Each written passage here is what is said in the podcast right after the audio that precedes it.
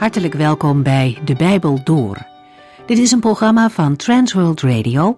U kunt ons ook vinden op internet www.transworldradio.nl. De Bijbel Door is een radioserie die in vijf jaar tijd door de hele Bijbel gaat. Van Genesis tot Openbaring, van kaft tot kaft.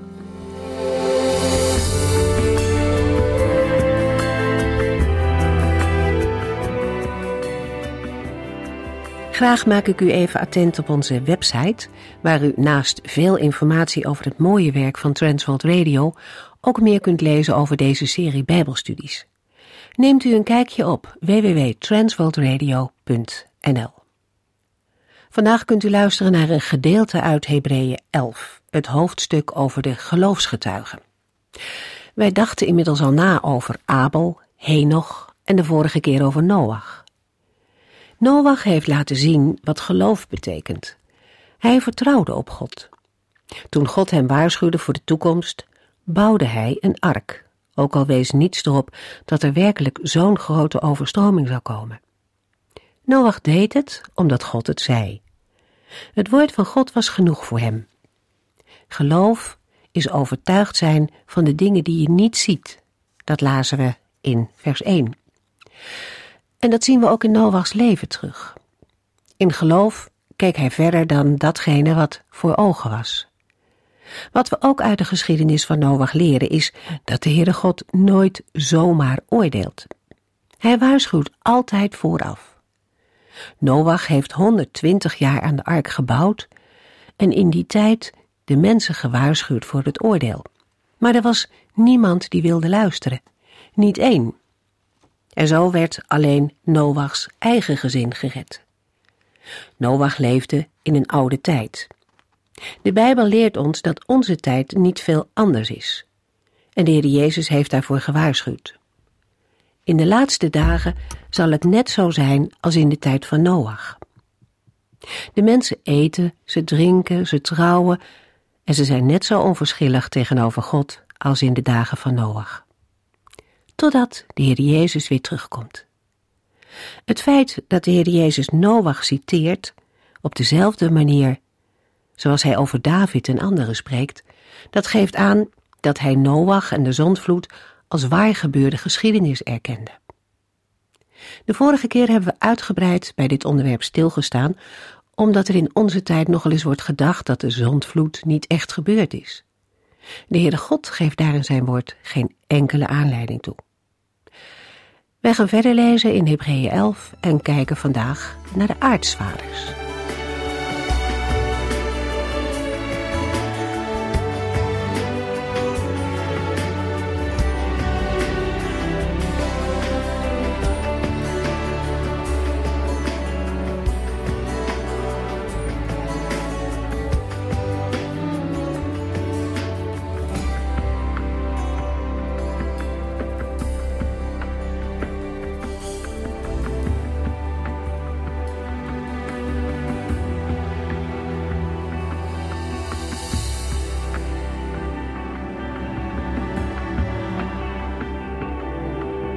Als vierde groep van geloofsgetuigen komen in het vervolg Abraham, Isaac en Jacob aan de beurt. In deze uitzending gaat het voornamelijk over Abraham. Als eerste geloofsdaad van Abraham wordt genoemd de reis naar het beloofde land, een land dat hij nog nooit had gezien. Herinnert u zich de definitie van geloof?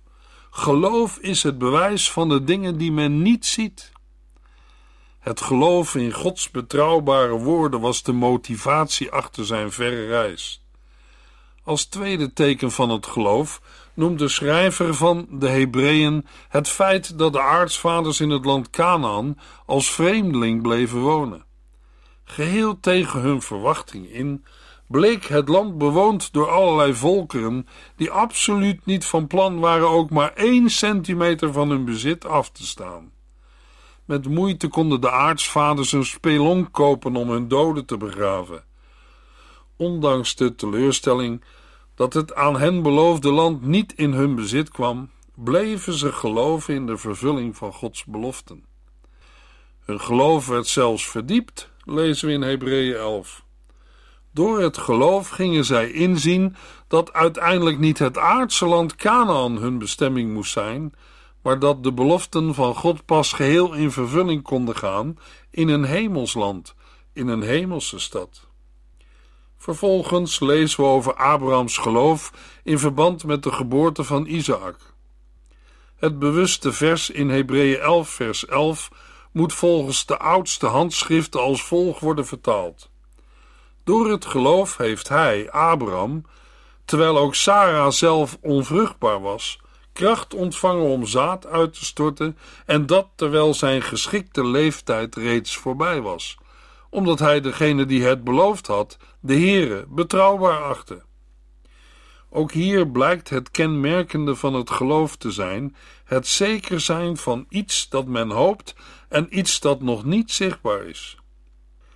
Wat in de Nederlandse vertalingen niet zo naar voren komt, is de woordspeling tussen het Griekse woord pistai door het geloof en piston, dat met betrouwbaar wordt vertaald. Het geloof van mensen berust in de geloofwaardigheid van de Heer, of anders gezegd, het vertrouwen van mensen berust op de betrouwbaarheid van God. Als laatste, maar tegelijk grootste geloofsdaad van Abraham wordt het offeren van zijn eigen zoon Isaac genoemd. De belofte die God aan Abraham had gedaan, konden alleen via Isaac in vervulling gaan. Immers, zo had de Heere gesproken. Door Isaac zal men van nageslacht van u spreken. Abrahams geloof om toch het bevel om Isaac te offeren uit te voeren, was mede gebaseerd op zijn vroegere ervaringen met de Heere. De geboorte van Isaac was al een groot wonder geweest.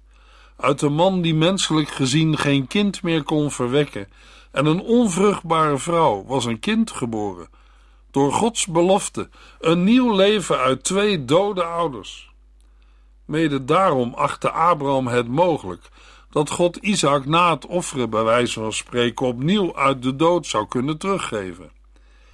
Wie deze verse goed leest, ziet dat er een vergelijking getrokken wordt tussen Isaac en de Heer Jezus. Isaac wordt de enige geborene van Abraham genoemd.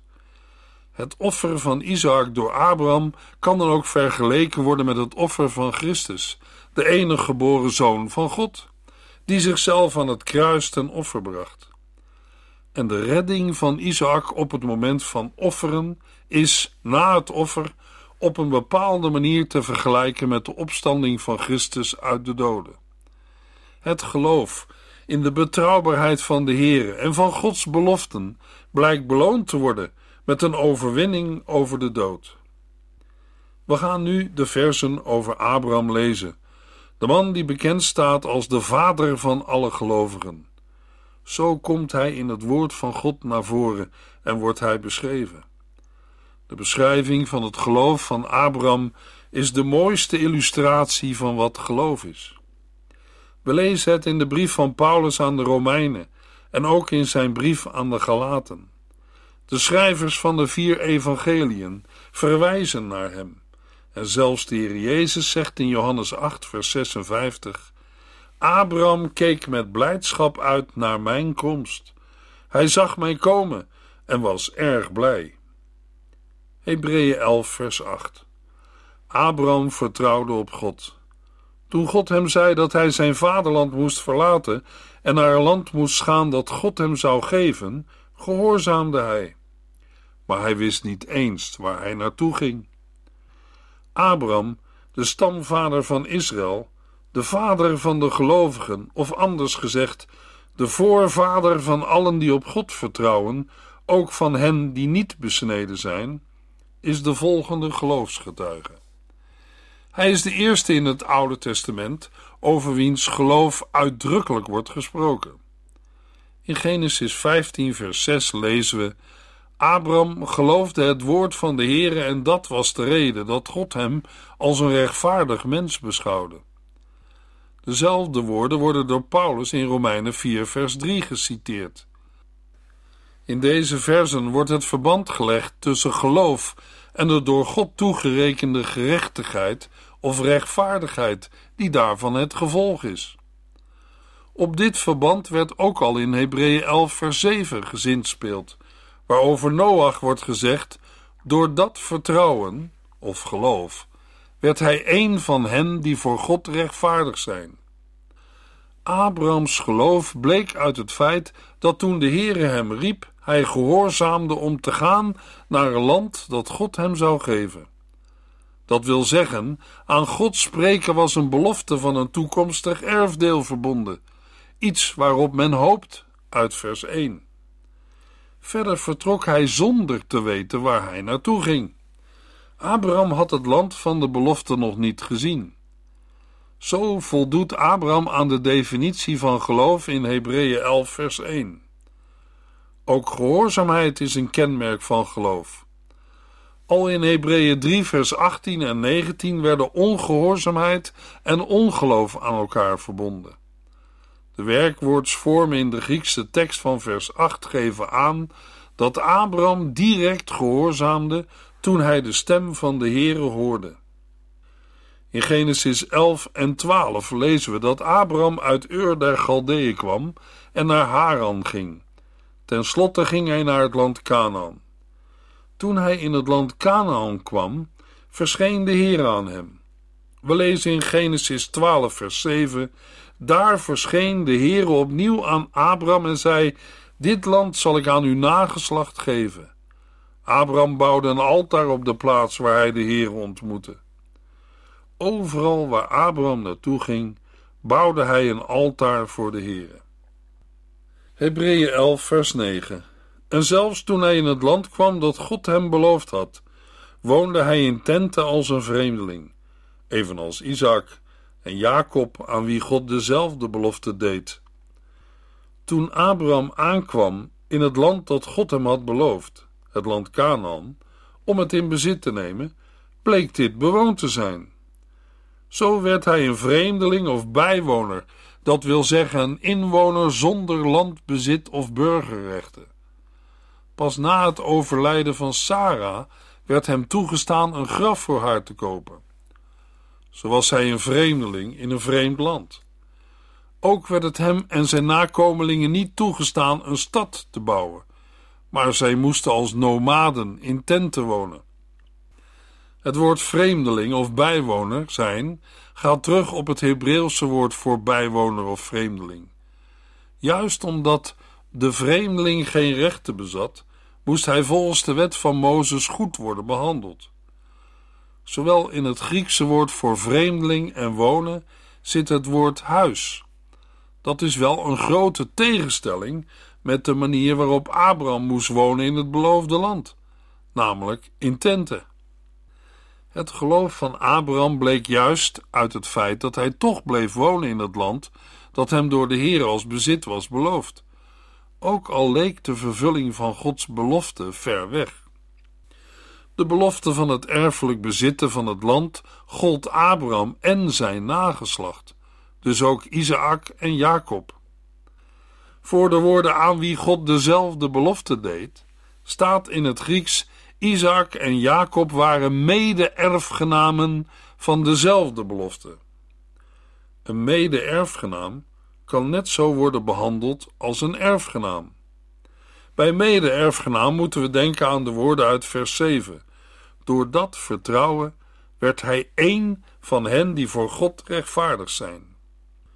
Zo zijn Isaac en Jacob ware medebezitters van de belofte, maar ook meer letterlijk mede-erfgenamen van de inhoud van die beloften, het beloofde land.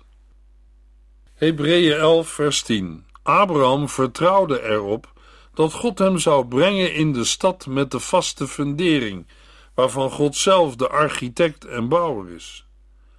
Door het geloof hield Abraham het vol om als vreemdeling te blijven wonen in het land dat aan hem was beloofd maar bovendien leerde hij zijn verwachting niet uitsluitend te richten op een aardse bezitting, maar steeds meer op een hemels bezit.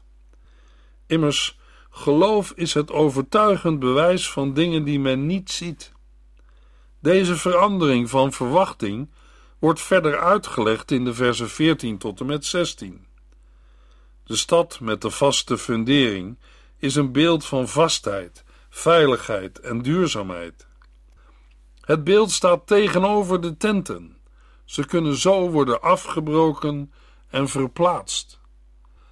Van deze stad is God zelf de architect en bouwer, en is de stad niet door mensenhanden gebouwd. De bedoelde stad wordt in Hebreeën 12, vers 22 het hemelse Jeruzalem genoemd. Al in het Oude Testament wordt geprofeteerd over een nieuw Jeruzalem dat alles van het aardse Jeruzalem overtreft. De bewijsvoering verloopt in grote lijnen net zoals in Hebreeën 4. De belofte van een aardse rust biedt het perspectief van een volmaakte hemelse rust. In Hebreeën 11 geeft de belofte van een aards vaderland het uitzicht op een volmaakt hemels erfdeel, een hemels vaderland, een hemelse stad. Hebreeën 11 vers 11 Sarah vertrouwde op God en kreeg daarom een zoon toen ze daar eigenlijk al te oud voor was. God had het haar beloofd en zij erkende dat hij te vertrouwen is. Vers 11 heeft bij uitleggers tot misverstanden geleid, blijkens de vele varianten die worden gegeven.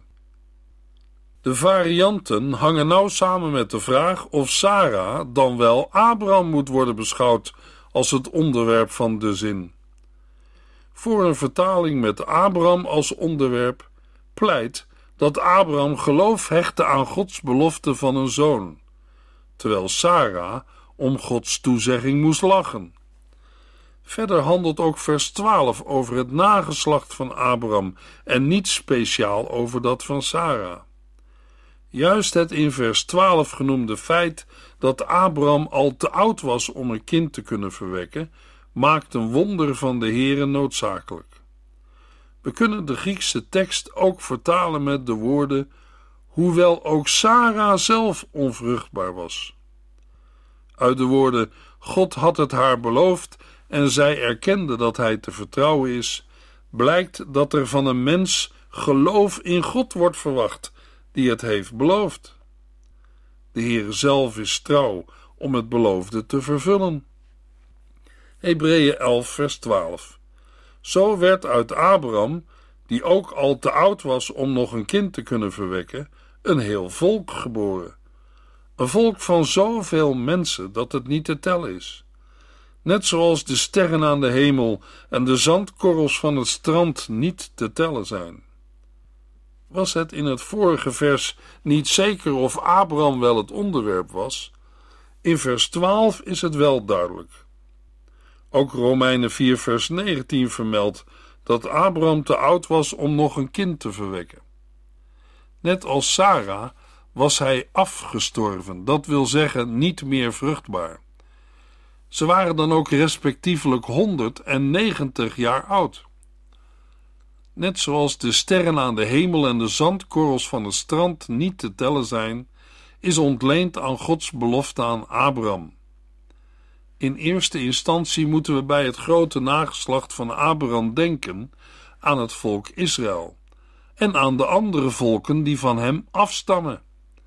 In tweede instantie aan de niet te tellen scharen van gelovigen die door hun geloof kinderen van Abraham zijn. Hebreeën 11, vers 13. Al deze mensen zijn in het vertrouwen op God gestorven, zonder te krijgen wat hun beloofd was. Ze hebben het alleen uit de verte gezien en waren blij. Zij kwamen er openlijk vooruit dat zij hier op aarde alleen maar gasten en vreemdelingen waren. Al deze mensen, niet het ontelbare nageslacht van Abraham, maar de genoemde geloofsgetuigen, Abraham, Isaac en Jacob, aan wie het land was beloofd, maar die het toch niet in bezit konden nemen, zijn gestorven. Levend overeenkomstig het geloof zagen zij van verre de beloften. Ook hier is geloof weer het zien van dingen die nog niet zichtbaar zijn, dingen in de verre toekomst. Weliswaar hadden de aartsvaders de belofte ontvangen, maar nog niet het beloofde. Dat is hier de betekenis van de woorden zonder te krijgen wat hun beloofd was. Ze hebben het alleen uit de verte gezien en waren blij. Kan een verwijzing zijn naar de uitspraak van de Heer Jezus in Johannes 8, vers 56, die we al eerder lazen. Kennelijk is hier sprake van een visionair zien van de vervulling van de belofte. Ook uit het Oude Testament zijn ons openbaringen aan Abraham bekend. De beleidenis van de aartsvaders dat zij maar gasten of bijwoners en vreemdelingen waren, vinden we in Genesis 23, vers 4. Allereerst gaat het daar om het als vreemdeling en bijwoner wonen in het beloofde land. Maar gaandeweg ontstond het besef van een verlangen naar een hemels vaderland. Zij waren op aarde alleen maar gasten en vreemdelingen. We merken dit al bij Jacob. Als ook wij wandelen in geloof, zullen we ook erkennen dat we als kinderen van God maar gasten en vreemdelingen op deze aarde zijn. Hebreeën 11, vers 14. En wie dat zeggen, maken daarmee duidelijk dat ze uitkijken naar een vaderland. Door hun uitspraak dat zij vreemdelingen en bijwoners waren, gaven de aartsvaders te kennen dat zij nog geen vaderland hadden gevonden. Het Griekse woord voor uitkijken naar betekent verlangen naar of zoeken. Kennelijk was Canaan toch niet hun laatste doel. Hebreeën 11, vers 15. Als ze hadden gewild, zouden zij naar hun vroegere land hebben kunnen terugkeren. Als zij Canaan, waar zij toen verbleven, niet zagen als hun vaderland, dan hadden zij nog altijd het land van hun voorouders, Ur der Galdeën, of de woonplaats van hun verwanten, Haran, hun vaderland kunnen noemen. Maar ze zijn gehoorzaam aan Gods bevel, want nergens in de Bijbel lezen we dat de aartsvaders Haran of Ur als vaderland vermelden. Hebreeën 11, vers 16. Maar nee, zij verlangden naar een beter hemels vaderland. Daarom schaamt God zich er ook niet voor een God genoemd te worden, want hij heeft een hemelse stad voor hen gebouwd. Met de woorden, maar nee, geeft de schrijver de situatie aan zoals die in werkelijkheid is. De aartsvaders hebben geen ander aartsvaderland vermeld, omdat zij uitzagen naar een beter hemelsvaderland. Deze gerichtheid op het hemelse, op het niet zichtbare, dit geloof, was er de reden van dat de Heere zich liet noemen de God van Abraham, Isaac en Jacob. Uit Lucas 20, vers 34 tot en met 38 blijkt dat Abraham, Isaac en Jacob hun doel hebben bereikt. Zij leven bij de Heere. Dat God zich niet schaamt voor hen, heeft te maken met de belijdenis van de aartsvaders, dat zij op aarde alleen maar gasten en vreemdelingen waren. Uit Hebreeën 12 kunnen we opmaken dat het hemelse Jeruzalem nu al wordt bewoond door engelen, eerstgeborenen en rechtvaardigen. Hebreeën 11, vers 17 en 18. Omdat Abraham op God vertrouwde, heeft hij, toen God hem op de proef stelde, zijn zoon Isaac op het altaar gelegd, om hem te offeren. Hij was bereid zijn enige zoon aan God te offeren, hoewel God hem had beloofd. Door Isaac zult u veel nakomelingen krijgen. Hij rekende erop dat God Isaac ook weer levend zou kunnen maken. Nadat de schrijver heeft uitgelegd dat de aartsvaders in wezen uitzagen naar een hemels vaderland, keert hij terug naar de persoon van Abraham. Het geloof van Abraham bleek opnieuw toen de Heere hem beproefde door hem te vragen om zijn zoon Isaac te offeren. We lezen het aangrijpende verslag over deze gebeurtenis in Genesis 22. Het gehoorzamen aan deze opdracht moet voor Abraham een enorme beproeving zijn geweest. Abraham hield van Isaac. Hij was zijn enige zoon en Gods belofte konden alleen maar via Isaac in vervulling gaan. De woorden in de Griekse tekst hij heeft geofferd maken duidelijk dat Abraham Isaac ook werkelijk heeft geofferd. Zij het dan dat dit offeren een onverwachte wending kreeg. De werkwoordsvorm hij offerde geeft aan dat Abraham bezig was Isaac te offeren. Isaac heet hier zijn enige zoon. Abrahams andere zoon Ismaël blijft hier buiten beschouwing, omdat hij niet de beloofde zoon was en daarom ook niet de erfgenaam van de beloften. Tevens wordt met de woorden enige zoon een vergelijking gemaakt met Jezus Christus, de enige geboren zoon van God de Vader. Abraham werd door God zelf beproefd. Dat is niet in tegenspraak met Jacobus 1. Daar gaat het om verzoeking, verleiding tot zonde. In Hebreeën 11 vers 17 om geloofsbeproeving. De spanning waaronder Abraham stond wordt pas begrijpelijk als we beseffen dat Isaac zelf een onderdeel was van de vervulling van deze belofte en dat een verdere vervulling van deze belofte alleen mogelijk was via Isaac. Daarmee leken Gods beloften op het spel te staan. Het citaat uit Genesis 21, vers 12 maakt duidelijk dat alleen door Isaaks toekomstig nageslacht Abraham tot een groot volk kon worden. Alleen in de geslachtslijn van Isaac zal van het nageslacht van Abraham worden gesproken. Abraham rekende erop dat God Isaac ook weer levend zou kunnen maken. Hebreeën 11, vers 19. En dat is in zekere zin ook gebeurd. Voor Abraham was Isaac eigenlijk al dood, maar hij kreeg hem van God terug. De reden waarom Abraham gehoorzaamde was zijn geloof in God. Abraham geloofde dat God zo machtig was dat hij Isaac uit de doden kon opwekken.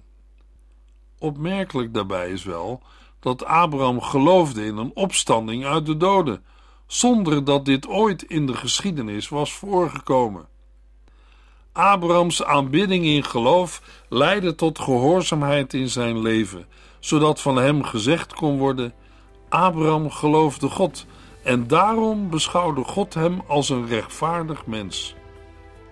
Luisteraar, gelooft u de Heere op zijn woord? Bijvoorbeeld Romeinen 8, vers 18. Ik weet zeker dat wat voor lijden wij hier ook doormaken, het in het niet valt bij de schitterende heerlijkheid die God ons straks zal laten zien. En in vers 23. We hebben als een voorproef van het nieuwe leven de Heilige Geest ontvangen. Maar toch zuchten en verlangen ook wij naar de dag dat ons lichaam zal worden verlost van ziekte en dood. In de volgende uitzending lezen we Hebreeën 11, vers 20 tot en met 30.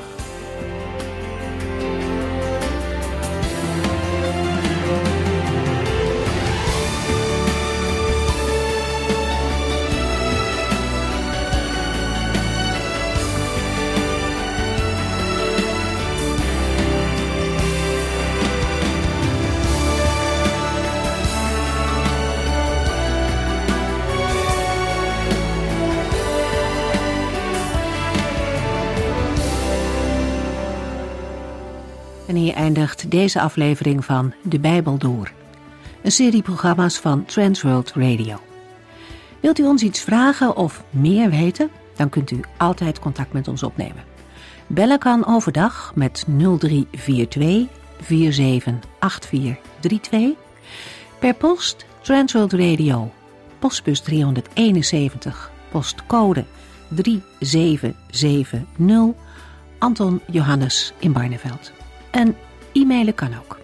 De Bijbel door at transworldradio.nl En natuurlijk ook via onze website transworldradio.nl Dit programma werd gepresenteerd door Cor Weda en Ike André. En namens iedereen die er nog meer aan meegewerkt heeft, graag tot de volgende keer.